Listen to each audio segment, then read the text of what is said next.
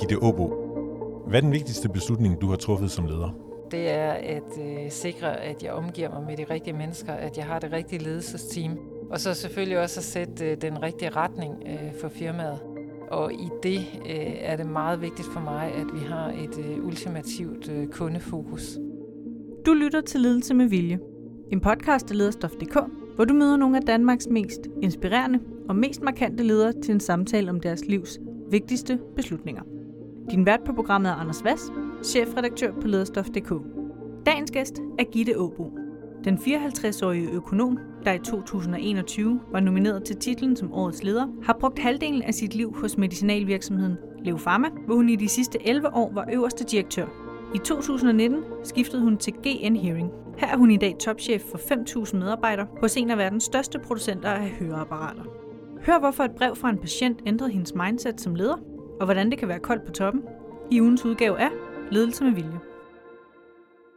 Gitte Åbo, du har været topchef siden 2008, først for Leo Pharma og nu for GN Hearing.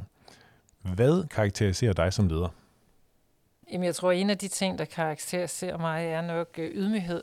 Øhm, og derfor føler jeg mig jo også en anelse ukomfortabel i, i situationen her. Øh, jamen, så tror jeg, at det karakteriserer mig øh, det her med at have fokus på at gøre en forskel i menneskers liv. Altså have fokus på kunden. Øh, og, der, og, og jeg har det sådan, at hvis man skal gøre øh, en forskel for kunden og kære sig om kunden, så er man også nødt til at kære sig om sine kollegaer.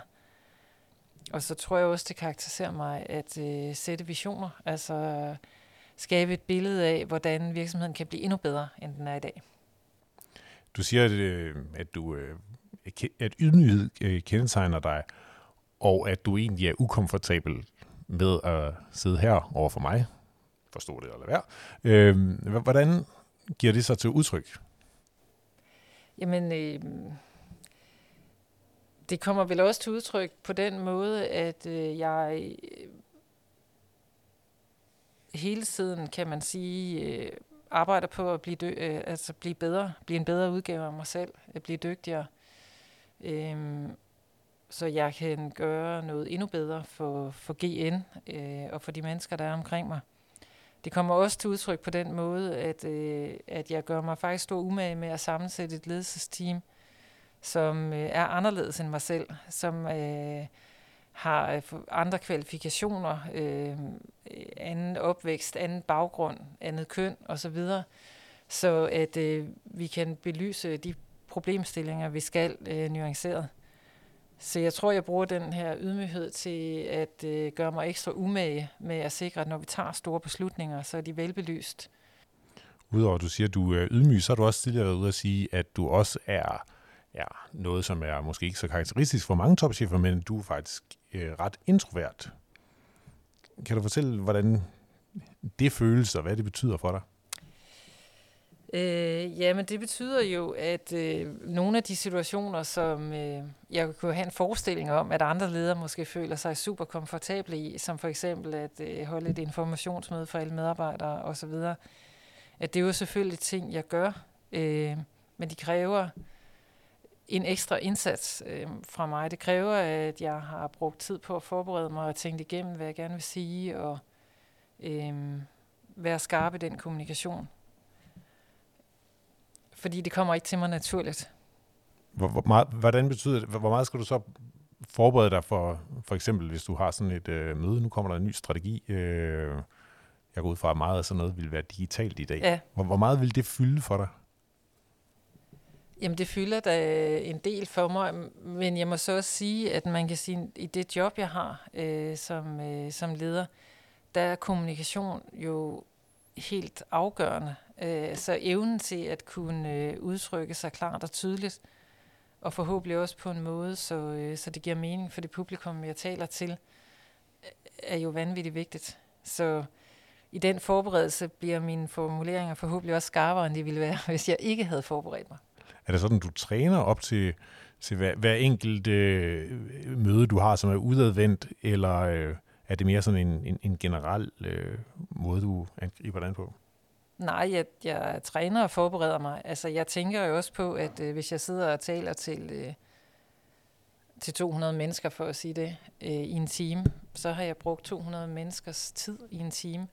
Altså så øh, kræver det også, at jeg har brugt tiden på at forberede mig og gøre mig umage, ellers så er det jo, ja, så det, så det bliver meningsfyldt.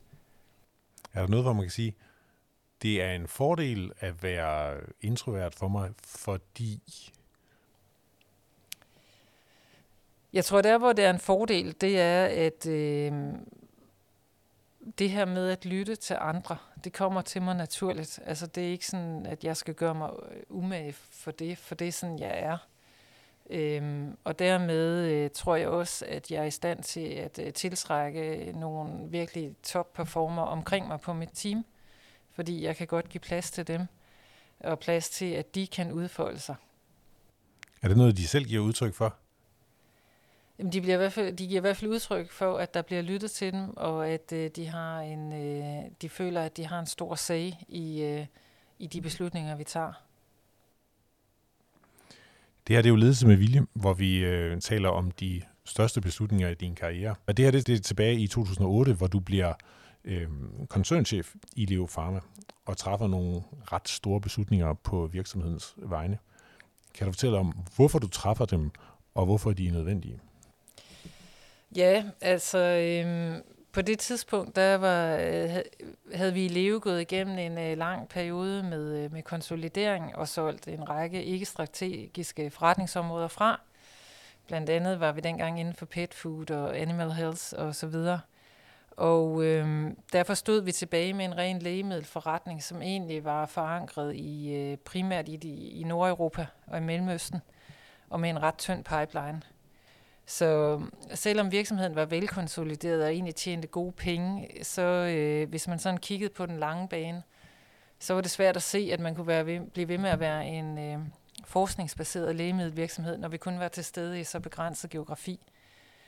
Så derfor øh, gik vi fra at være igennem en konsolideringsperiode til at være ind i en øh, ekspanderingsperiode, så vi øh, besluttede at øh, gøre Leo til en global virksomhed – vi øh, arbejder målrettet med at styrke vores pipeline. Den var meget tynd tilbage i 2008. Øh, og da jeg stoppede, der havde vi øh, den stærkeste pipeline i verden inden for dermatologi. Men hvordan, når man har besluttet os for, os for, vi skal have en bredere pipeline, vi skal være mere globale, hvad gør man så som CEO, som øverste direktør, som du var? Jamen det så drøfter man det jo selvfølgelig i sit øh, ledelsesteam, eller det har jeg jo gjort undervejs. Øhm, og dernæst, øh, så er det jo sådan en kommunikationsopgave i at få, få alle medarbejdere med øh, ombord på de her tanker. Og så gjorde vi også det, at vi satte et øh, lederudviklingsprogram i, i gang sammen med IMD, hvor vi tog de 100 øverste ledere igennem øh, en, øh, en udviklingsproces. Fordi vi kom fra en periode, hvor vi ligesom havde konsolideret øh, i, øh, i 10 år, og nu skulle vi ligesom vende øh, kasketten og ekspandere. Og jeg vurderede dengang, at øh, jeg kunne ikke bare gå ud og øh, skifte top 100 og få nye mennesker ind, som tænkte, tænkte i ekspansion. Øh, men derimod, at jeg hellere ville bygge på de mennesker, der var der, og, og så lære dem nogle nye kompetencer. Og det gav et øh, kæmpe løft øh, til virksomheden, også i form af vores evne til at arbejde sammen. Er det et udtryk for, at man kan tage sine ledere og sine medarbejdere, og så kan man egentlig rykke dem rigtig meget? Jamen, det tror jeg da helt sikkert på, man kan. Øh, fordi vi jo også sammen skabte en vision om, at vi ville være den øh, lægemiddelvirksomhed i verden, der kæder sig mest om patienten. Så det her med at, at øh, have en, øh, et topteam, som har en fælles øh, målsætning, altså så øh, kan man jo forandre verden. Nu lyder det måske som et naivt spørgsmål, men, men er der et alternativ til at være en lægemiddelvirksomhed, øh, og så øh, kære sig om patienten? Det vil jeg jo gerne sige, at det er der ikke. Altså, det er der i hvert fald ikke for mig. Men der er måske... Øh, I den tid, jeg var i Leo, der var jeg jo i mange år CFO, inden jeg blev øh, koncernchef. Og, og jeg må indrømme, at i en lang periode tænkte jeg, at det allervigtigste her, det er jo selvfølgelig, at vi tjener nogle penge. Det hele er drevet af penge. Det er derfor, at, øh, at virksomheden findes og det har jo ændret syn på. Ikke at det stadigvæk er vigtigt at tjene nogle penge, det er det. Øh, men de penge bliver tjent øh, af en grund, og det er, hvis man er dygtig til at, øh, at hjælpe patienten. Og når man tjener pengene, så har man også muligheden for at investere i øh, forskning og udvikling og hele tiden levere bedre produkter. Så, øhm, så for mig er det i hvert fald flyttet sig fra at være det eneste formål, til egentlig at være en konsekvens af, at man er dygtig til det egentlige formål, som er at hjælpe patienterne. Og var der sådan et eller andet form for eureka øh, øh, moment, hvor du tænkte, nå ja, i virkeligheden, så skal vi det der, og så kan pengene nok komme, eller hvordan er det? Det er der faktisk på den måde, at øh, vi besøgte øh, på et tidspunkt vores produktion i Irland. Vi har en øh, stor, eller Leo har en stor produktionsenhed i Irland, og den var vi over at besøge. Og der laver vi blandt andet cremer og salver til behandling af psoriasis. Og øhm, i forbindelse med et bestyrelsesmøde derovre, hvor vi havde øh, kigget på tallene for et, et produkt, vi havde lanceret for et par år siden, øhm, så var der jo, så skulle vi til frokost, og der gik vi hen over parkeringspladsen, og så var der ligesom sat sådan nogle øh, sædler i alle øh, i bilerne. Det skulle vi hen og se, hvad det var. Og det var faktisk øh, en, øh, en patient, som havde sag, skrevet brev og sat i bilruden, hvor, de, hvor øh, hun skrev, øh, tak fordi vi har udviklet den her salve, og at det har bare forandret hele hendes liv. Øh, så ja, så det blev... Øh, det gjorde et ret stort indtryk på mig, fordi at jeg tænkte på sådan, ting, jeg sidder og skrevet alt det i hånden. og så tænkte jeg på, at hvis jeg nogensinde selv har skrevet til en virksomhed, så har det været øh, for at klage, ikke for at sige tak. Så den her oplevelse af, hvor stor forskel vores produkter faktisk gjorde i menneskers liv, øh, det, det berørte mig dybt, og, og gjorde faktisk, at jeg begyndte at tænke anderledes om, hvad er det egentlig, vi laver. Og har du oplevet, at det så stadigvæk øh, kan hænge sammen som, eller helst mere end at hænge sammen som en, en forretning, når man laver det fokusskifte? Jamen, jeg tror, at det er der, hvor man bliver vigtig dygtig til sin forretning, når man øh, får det her fokus på at gøre en forskel for, for, for ens kunde, øh, i det her tilfælde patienten. Men hvordan sikrer du som leder, at du får øh, hele virksomheden med? For det nytter jo ikke noget, at det, det kun er dig, der har det sådan. Det er rigtigt. Jamen, øh, det gjorde vi jo på forskellige vis. Dels øh, satte vi i system, at øh, igen vores øverste leder kom ud og, og sad med i... Øh, altså dig? Ja, vores øverste ledere oh, ja. Øh, ja, kom ud og sad med hos, øh, hos dermatologerne og faktisk fik den her førstehåndsoplevelse af, hvordan øh, responderer patienterne på vores øh, produkter. Øh, når man starter som ny medarbejder i Leve, øh, skulle man møde en patient, øh, når man til vores town, altså i informationsmøder, havde vi altid patienter med, der fortalte om, omkring produkterne. Øh, på den måde synes jeg, at vi fik det sat, vi fik, vi fik flyttet vores fokus. Jeg ved, at øh, du øh, ret tidligt i din karriere øh, selv øh, rakte ud øh, til den daværende topchef i Leo Pharma og sagde, hey, jeg vil egentlig gerne være din øh, assistent. Øh, hvor meget betød, har, tror du, det har betydet for din, din karriere? Og det tror jeg har betydet rigtig meget, at jeg fik lov at få det indsigt i, øh, i ledelsesbeslutningerne ret tidligt. Og det var meget interessant, fordi på det tidspunkt var jeg øh, chef for, kan man sige, økonomifunktionen i Danmark. Og jeg kan stadig huske, at en af mine kollegaer sagde til mig, ej, hvor er det synd for dig, at du ikke længere skal have dit chefjob, og nu skal være assistent. Og jeg var bare sådan, jamen det er jeg så glad for. øhm, så jeg tror også, at øhm, det her med at have et fokus på, hvad er det for nogle opgaver, der er interessante og sjove, og man kan lære noget af, øh, er jo også måske et øh, karriereråd til at tænke på, og ikke bare tænke i, hvad er det for en titel, man har. Og øh, din tidligere daværende topchef, som havde dig som assistent, har jeg også læst, øh, var også ham, der så efter den der periode, allerede der fortalte han vidste, at hende der, hun bliver den næste mig. Har du også nogen i øh, din organisation, som du ligesom øh, ud øh, ser dig som nogle talenter, som du gerne vil bringe videre? Ja, det har jeg. Øh, det tænker jeg også er en vigtig del af mit job. Øh, at øh, hele tiden have øje for, hvor har vi øh, virkelig øh, særligt talent, og sørge for øh, både, at de bliver fodret med de rigtige opgaver, øh, og også øh, at de bliver i virksomheden.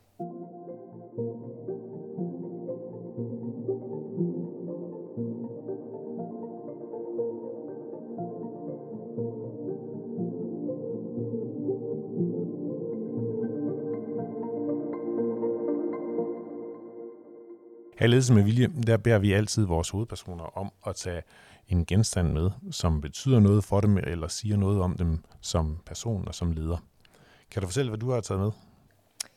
Jamen, jeg har taget øh, det der brev med fra, øh, som jeg fandt i øh, forruden dengang. Det er simpelthen selve brevet. Ja. Kan, kan, kan du læse det højt?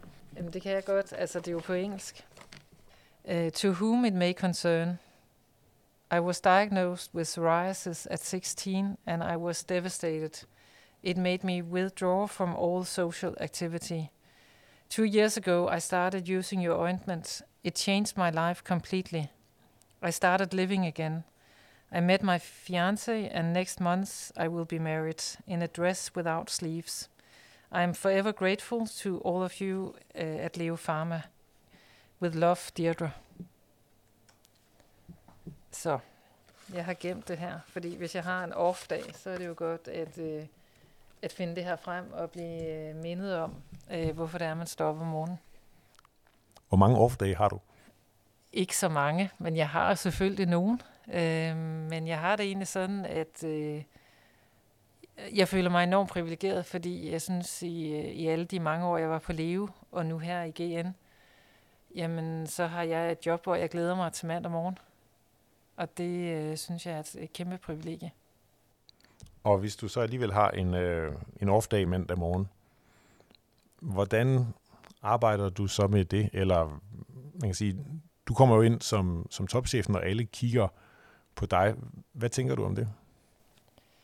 Jamen det er jeg selvfølgelig bevidst om, øhm, og det er jo ikke sådan, at jeg ikke kan have en ofte. Øh, jeg er jo også et menneske, men, men jeg er meget bevidst om, at jeg selvfølgelig spiller øh, en, en rolle her, og øh, derfor også har en opgave i at, øh, at udstråle, kan man sige, øh, øh, energi, øh, motivation, engagement, at det vi laver er spændende. Øhm, så derfor finder jeg også min motivation i at tænke på, at, øh, at her hjælper vi faktisk øh, mennesker til at øh, kunne høre øh, igen, og altså nogle af de her oplevelser, der er, når øh, folk lige pludselig kan, kan høre deres, øh, deres ægtefælle. Øh, en af mine kollegaer har fortalt, øh, at han har siddet med ind, hvor at øh, en kvinde fik øh, tilpasset det her høreapparat, og øh, så går manden om bag ved hende og visker jeg elsker dig. Og det har hun bare ikke hørt ham sige længe. Og det, det er jo sådan nogle ting, man lige sådan kan køre igennem sin... Øh, det virker i hvert fald for mig, øh, til lige at køre igennem mit hoved og tænke, ja, det er derfor. Og kan det også bruges, når man øh, sidder i øh, ved det store møde, og øh, forsyningslinjerne fra Østen er, øh, er afbrudt? Øh, på grund af, at verden er lav, øh, og man ikke kan leve op til, til forventningerne. Er det så sådan rent praktisk, du tager kortet frem, eller tænker et eller andet i hovedet, som ligesom får dig op i humør igen? Ja, øh, det kan det, altså, fordi det skal jo ikke omsættes til sådan uh, softness. Altså det er tværtimod. Så øh, bliver det måske endnu vigtigere, at de der forsyningslinjer kører, fordi ellers står der nogen i den anden ende, der mangler deres øh, høreapparat. Og det går jo ikke fordi at det er, øh, vi taler folks livskvalitet her, vi taler deres evne til at interagere socialt, vi taler en potentiel negativ impact på deres øh, kognitive øh, formåen. Altså, så det er afgørende, at folk har øh, deres høreapparat. Så ja. Øh. Kan du så bruge det som argument over for, øh, for den medarbejder, som øh, er ansvarlig, eller altså at, at du er helt ude i det led og siger, jamen det er jo faktisk ikke bare et problem for, for butikken, men det er jo et problem for øh, Deirdre med, ja, nu er det jo en, nu er det Deirdres mor, der ikke kan høre. Selvfølgelig, vi måler jo også øh, vores forretning på en række nøgletal. Og man kan sige, et af dem er for eksempel, hvor hurtigt er vi til at øh, reparere et høreapparat og sende det retur til, øh, til brugeren. Og det kan man jo godt kigge på som KPI. Det tager det, det her stykke tid. Ikke? Men jeg tror for mange mennesker bliver det endnu mere personligt, hvis man tænker på, at øh, det er faktisk øh, et menneske, der går i de her dage og ikke kan høre, ikke kan interagere socialt, ikke kan deltage i familiemiddagen, ikke kan, altså, så bliver det faktisk endnu vigtigere at løse den her KPI. Det er jo stadigvæk en KPI, som vi selvfølgelig måler og har finansielle konsekvenser af, men det, at det også har et klart menneskeligt formål, det tror jeg styrker performance tilbage til de, øh, de store beslutninger. Vi er stadigvæk i øh, din Leo Pharma-tid. Og øh, der træffer du en beslutning. Det, du starter med at sende øh, ledelsesgruppen på, øh, på et intensivt øh, undervisningsforløb, men du tager øh, på et tidspunkt en, en beslutning om øh, grundlæggende at ændre den måde, du sammensætter dit øh, ledelsesteam øh, øh, på. Kan du fortælle, hvorfor du træffer den beslutning, og hvilken konsekvens det har? Jamen, øh, det gjorde jeg på et tidspunkt, øh, fordi jeg følte ligesom, at vi skulle rykke til, til næste niveau i, øh, i udviklingen. Og, øh, og der var brug for en bredere ledergruppe. Da jeg startede i, som koncernchef i, i Leo, der var vi fire i, øh, i, øh, i mit, mit team. Og da vi arbejdede sammen nogle år, så blev det lidt ligesom min familie. Altså, vi sad på de samme pladser, og vi vidste også lidt øh, godt, hvordan hinanden tænkte, og vi alle sammen voksede op i Danmark, havde fælles referenceramme. Og jeg tænkte, altså det her går jo ikke, fordi vi leder en global virksomhed. Vi, øh, vi er simpelthen nødt til at have nogle flere ting øh, i spil, for at kunne øh, repræsentere den, den verden, vi skal agere i. Og øh, derfor satte jeg et større team og et meget mere øh, internationalt team og forskellige baggrunde osv., og det er helt klart med til at løfte performance i virksomheden betydeligt. Hvorfor er det det? Jamen, jeg tror, at det giver en, øh, en øh, bedre dialog, eller en bedre øh, samtale ved nogle bedre beslutninger. Jeg tror også noget af det, at øh, det driver et åbent mindset i en virksomhed, og det er afgørende, når du er en virksomhed, der lever af innovation, og det var vi lever, og det er vi her i GN. Det, som er, er bagsiden af det at øh, sætte det rigtige hold, det er jo øh, typisk, at få et hold, øh, der skal også nogen... Ud. Så det kan jo godt være en, en brutal øh, affære. Nu er du meget på, øh, på værdier og at kunne hjælpe mennesker. Hvordan øh, kan du få de to sider til at balancere? Jamen det er klart, at øh, når man må øh, sige farvel til en medarbejder, så skal man selvfølgelig øh, gøre sig umage for at opføre sig ordentligt. Fordi at øh, det er et, en stor indgriben i, i et andet menneskes liv. Øh, omvendt så har man jo også et ansvar når man sidder i, øh, i den stol, jeg sidder i, for at øh, sætte det hold, der skal til for, at virksomheden flytter sig. Så handler det jo ikke kun om de mennesker, man har helt sæt på selv, men faktisk alle de mennesker, der går på arbejde i virksomheden. Og det, og, så øh, så det, det er man nødt til at, at tænke sådan, og ikke være bange for at tage den beslutning. Men en ting er at tage beslutningen, en anden er, øh, når det er dit eget ledelsesteam, så er du øh, faktisk jo, går jeg ud fra, selv den, der øh, banker på og siger, at vi har brug for en snak. Ja. Når du øh, selv også taler om, at du er, du er introvert, du kan have svært ved at, øh, at fremlægge i, i store øh, forsamlinger, hvordan er det så øh, for dig at gå ind øh, i sådan en samtale?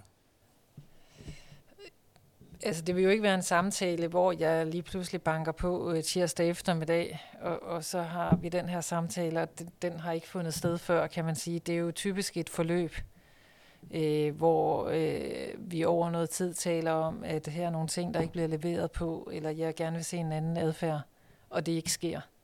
Så det er jo typisk i, i øh, en periode. Så, øh, så det er klart, at... Øh, igen, at øh, jeg er introvert og har fokus på, øh, på patienten, skal jo ikke forveksles med, at jeg ikke tør tage en direkte samtale. Det tør jeg godt. Nu siger du, det er noget, der er over tid. Øh, nu arbejder du i, øh, i, i GN, og en af de ting, der karakteriserede din første tid der, var, at der lavede du faktisk sådan ret hurtigt ret store udskiftninger i, øh, i, i ledelsen, og som også øh, er, er fortsat. Så der tænker jeg, der er det lidt noget, noget andet. Hvad, hvad er rationalet øh, bag det? Og var det en anden slags, en anden tilgang til det, så at skulle gå ud og sige, at øh, du fyrer, fordi jeg har brug for nogle andre kompetencer? Jeg tror, en af de læringer, jeg har med mig, det er jo øh, ret hurtigt at adressere de her ting, i stedet for at øh, at gå og vente og tænke, det bliver nok bedre i morgen. Men, men ret hurtigt være eksplicit om, her er de forventninger, jeg har øh, til dig øh, på forskellige parametre. Her den performance, jeg venter, forventer at se. Øh, og hvis det så ikke leveres, jamen, så er man jo nødt til at tage en samtale om det. Øh, og, og for andre, der, øh, der kommer den forandring jo så også til at ske. Så det er jo... Øh, men igen, jeg tror, som leder er det vigtigt at være tydelig om, hvad man forventer. Øh, for det er jo, dermed giver man jo også en, folk en chance for at kunne levere det. Og hvordan er du tydelig? Er det sådan noget med, her er 8 KPI'er, og øh, hvis du når de syv af dem, så er det okay? Eller er det også på andre niveauer? Det er jo ikke så sort og hvidt som det. Øhm, det der er selvfølgelig også nogle øh, konkrete mål.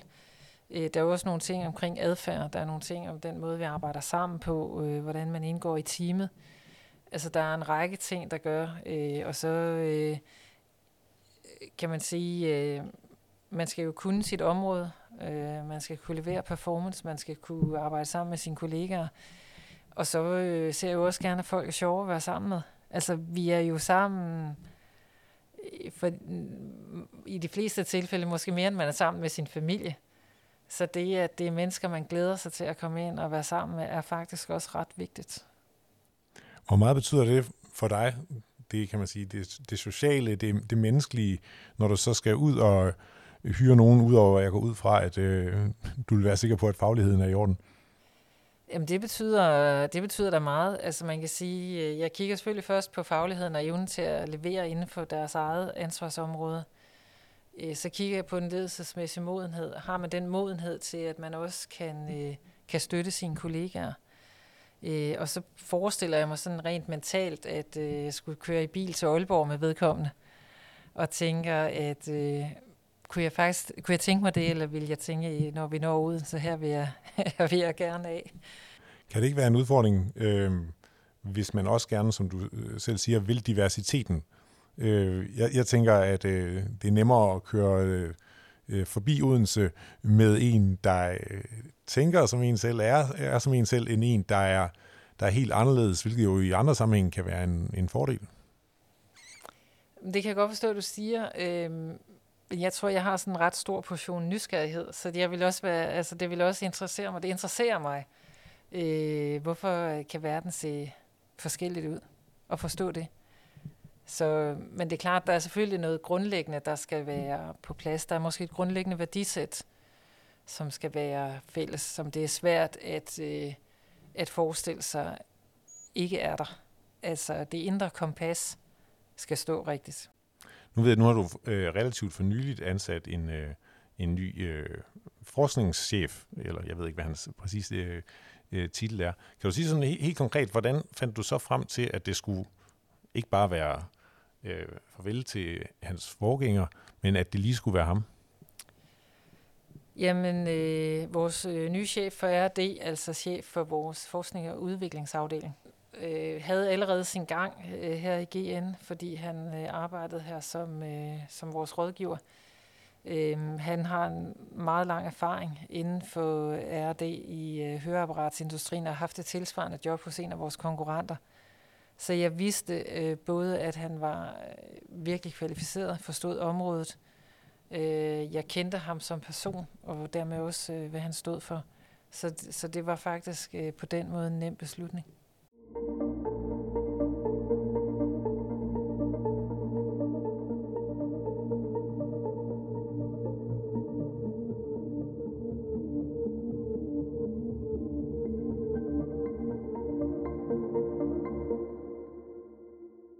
Tilbage til de store beslutninger i din karriere. En af dem øh, er her i øh, GN, hvor du, øh, ligesom resten af verden, blev ramt af corona. Ikke personligt, øh, men øh, på forretningen, hvor øh, omsætningen lige pludselig falder med 80% for jeres vedkommende. Hvad er det for en beslutning, du træffer der, og hvorfor? Jamen en af de øh, beslutninger, vi tog, det var egentlig at fastholde øh, vores investeringer i, i forskning og udvikling. På trods af, at vi så det her store dyk i vores omsætning. Og det gjorde vi jo, fordi at øh, man kan sige, hele vores forretningsmodel, det er hele tiden at levere ny innovation på markedet, og det var selvfølgelig vigtigt for os at kunne fortsætte med det, øh, pandemien til trods. Og for mig er det måske et meget sådan konkret eksempel på hele tiden at have den her balance mellem på kort sigt og på lang sigt. For det er klart, at hvis man kun tænkte på kort sigt, jamen så skulle man jo også øh, sætte forskning og udvikling i bero. Øh, men når man driver en virksomhed, er det også vigtigt at tænke på lang sigt og tænke øh, på, øh, jamen hvis jeg sætter det her i bero, så kommer det til at, øh, at ramme os hårdt om øh, to, tre, fire år, så det går ikke. Og er der så i din ledergruppe øh, nogen, der er gode til at tage den, altså når du fortæller det på den måde, så lyder det jo som en super nærmest øh, lige til beslutning. Men, men er der et, et miljø i din ledergruppe, hvor der er nogen, der er, er gode til at så sige, ej nej, hør lige her. Ja, det kan godt være, at det lyder som en super nem beslutning, men det, det er jo øh, i sammenhæng øh, med, at vi i øvrigt bad alle medarbejdere i, i GN på det tidspunkt om at gå ned i løn frivilligt, fordi vi skulle, øh, skulle øh, spare på pengene, og selvfølgelig øh, kan man sige, da vi lige blev ramt af corona, vidste vi jo heller ikke rigtig, hvor langvarigt det her ville være. Så, så man kan sige, det er jo hele tiden afvejninger. Altså det var også et stort, øh, øh, stort ting at bede alle om at acceptere en øh, frivillig lønnedgang, og jeg er stadigvæk dybt øh, taknemmelig og, og beundring, og beundrer virkelig øh, det respons, vi fik, som var et ja. Hvad gør du for at sikre en kultur, hvor øh, du som topchef også har nogen, der siger dig imod? For det første har jeg jo gjort mig umage for at øh, sammensætte et team, der er forskelligt fra mig selv, og forskelligt fra, altså, hvor de også er forskellige fra hinanden. Og det gør jo øh, sandsynligheden for, at der er nogen, der tænker anderledes, eller tænker, det her det er ikke en god idé. Øh, den er stor. Øhm, og nogle gange kan det godt være lidt besværligt, men øh, jeg er stadigvæk overbevist om, at det giver de bedste beslutninger. Hvis vi har en stor beslutning, og alle med det samme synes, det er fantastisk, lad os gøre det, så bliver jeg faktisk lidt nervøs. Og øh, så kan jeg godt øh, finde på at bede nogen om at sige, øh, det er muligt, at vi alle sammen synes, det her det er godt, men nu I to, I, I er per definition imod. Så hvad er grunden til, at vi ikke skal gøre det her? Og det, det gør altid, at vi kommer til at øh, måske blive be, mere bevidst om, hvis vi gør det her, så har det de her risici, eller vi skal i hvert fald være opmærksom på det her, eller vi skal prøve at tage højde for x, y, z. Ikke? Øh, så, så selvom vi måske alligevel ender med at gøre det, øh, så får vi en langt mere nuanceret debat omkring, øh, omkring det her. Jeg er altid urolig for, hvis vi med det samme alle sammen synes, det her er fantastisk, fordi så er der måske ting, vi har overset. Og har du et øh, konkret eksempel på noget, hvor øh, du har jo udpeget nogen til, til djævelens advokat et, i, en, i en sammenhæng, hvor alle ellers var enige, og så er det rent faktisk rykket noget? Et eksempel ville være en stor akquisition, vi lavede i Leo, hvor at, øh, vi alle sammen var meget begejstrede for det. Øh, og vi endte også med at lave akquisitionen, men vi lavede den faktisk til en lavere pris, end jeg tror, vi ellers ville have gjort, fordi vi simpelthen var blevet for, for glade, og dermed øh, kan man jo nogle gange for, i virkeligheden være villig til at betale for meget. Så der er mange penge sparet ved at få nogen til at sige sig imod, måske? Det er der. Det tror jeg, der, der altså man bliver dø bedre af det. Ens argumenter bliver også skarpere. Det, som andre topledere fortæller os, det er, at det også kan være en, en ensom omgang. Altså i din øh, ledergruppe, der er de sådan på samme led under dig, og så sidder du, du her, og der er godt nok også en, en anden division med en anden øh, topchef her i, i, i GN. Men hvem støtter du dig egentlig opad? Hvor får du, altså hvem får du øh, mulighed for at læse af på og spare med? Jamen det tror jeg, det, det er jo det er nødvendigt. Det er i hvert fald nødvendigt for mig. Øh, jamen det er selvfølgelig afgørende at have en tæt relation til, til sin bestyrelse, øh, til sin bestyrelsesformand. Det tror jeg er forudsætningen for at kan, øh, kan fungere godt i, øh, i, i det her job. Øh, og ja, så er det jo øh, måske ensomt, men, men det er et af de vilkår, der er Øh, og det, jeg, jeg tror, jeg mærkede det virkelig tydeligt, da jeg blev koncernchef i Leo. fordi jeg jo ligesom vokset op i, øh, i virksomheden, jeg startede som elev der, ikke? Altså, og der sker et eller andet, når man lige pludselig sætter sig i den stol, så øh, behandler folk en anderledes. Hvordan det? Jamen lige pludselig er man slet ikke en del af mange af samtalerne. Dem, de, der bliver man ikke længere involveret, og øh, folk tager lidt mere afstand til en. Hvad gør man så? Altså, hvordan, hvordan klarer man det? det? Det synes jeg umiddelbart lyder ret ubehageligt. Jamen, det er heller ikke så rart. Øhm, men jeg tror, det er bare vigtigt at, at tænke på det som... I hvert fald har jeg tænkt på det, at det er jo ikke mig, det er jobbet. Og det er, øh, det er jobbet, man tager afstand til, og sådan er det. Øh, det er en del af at øh, sige ja tak til at sidde i den stol. Men, men nu går jeg ud fra, at jobbet er, øh, er mere end 37 timer om, om ugen, fordi vedkommende, så er det jo også rigtig meget, der bliver sagt nej til. Ja, men det er også, altså, da jeg blev... Øh, da jeg i sin tid blev spurgt i Leve, om jeg kunne tænke mig at være koncernchef, der tog det mig faktisk et halvt år, inden jeg besluttede mig til at sige ja. Fordi jeg var bevidst om, at der var også, der var også nogle ting, der var afsavn i det. Øh, også i forhold til min familie og mine børn og så videre. Øh, og det, sådan, det ved jeg godt, sådan er det jo for alle. Men øh, jeg havde bare brug for at gå op med mig selv, om jeg var klar til at tage det valg. Fortryder du nogle gange det, at du så tog det valg? Nej, samlet set gør jeg ikke. Jeg føler, jeg har, jeg føler faktisk, at jeg er et enormt privilegeret menneske, og øh, at jeg gennem hele min karriere har været omgivet af, af folk, der vil mig det godt, og der vil hjælpe mig. Så jeg føler mig meget øh, privilegeret. Her i Ledelse med Vilje, der slutter vi altid af med at spørge vores hovedpersoner, hvad for nogle store beslutninger de står foran. Hvad med dig? Hvilke beslutninger er de næste store, som du skal træffe? Ja, man kan sige, at øh, en af de ting, som, øh, som på en måde forundrede mig, da jeg kom ind i, øh, i GN og satte mig i den her stol, det var, at øh, vi har jo her i GN øh, udviklet fremragende høreapparater igennem mange år, og, og det har vores konkurrenter faktisk også. Og alligevel så hjælper vi kun en ud af fem øh, i dag, der har nedsat hørelse. Så jeg synes, en af de, øh, de store beslutninger eller muligheder, øh, vi har, det er at øh, komme bredere ud øh, og nå øh, flere mennesker tidligere i deres liv. Hvem er dig selv personligt?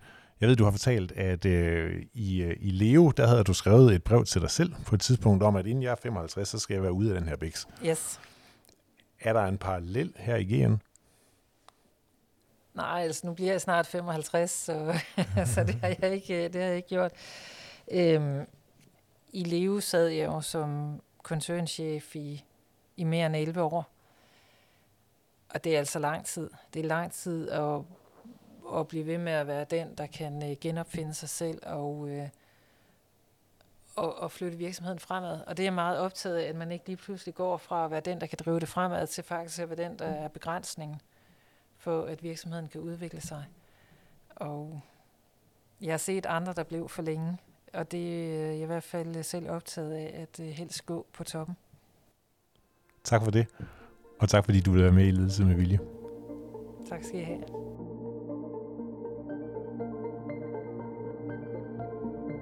Du har lyttet til Ledelse med Vilje, en podcast fra lederstof.dk. Du kan abonnere på podcasten i din foretrukne podcast-app. Her kan du også finde Lederstof.dk's nye podcast, Lederskabet. I Lederskabet hjælper ledelsesrådgiver Michael Urenholdt i hvert afsnit en leder med et konkret problem eller dilemma. Så søg efter lederskabet og find inspiration til dit eget lederskab. Bag ledelse med vilje og bag lederskabet står lederne, Danmarks største interessefællesskab for ledere med over 110.000 medlemmer.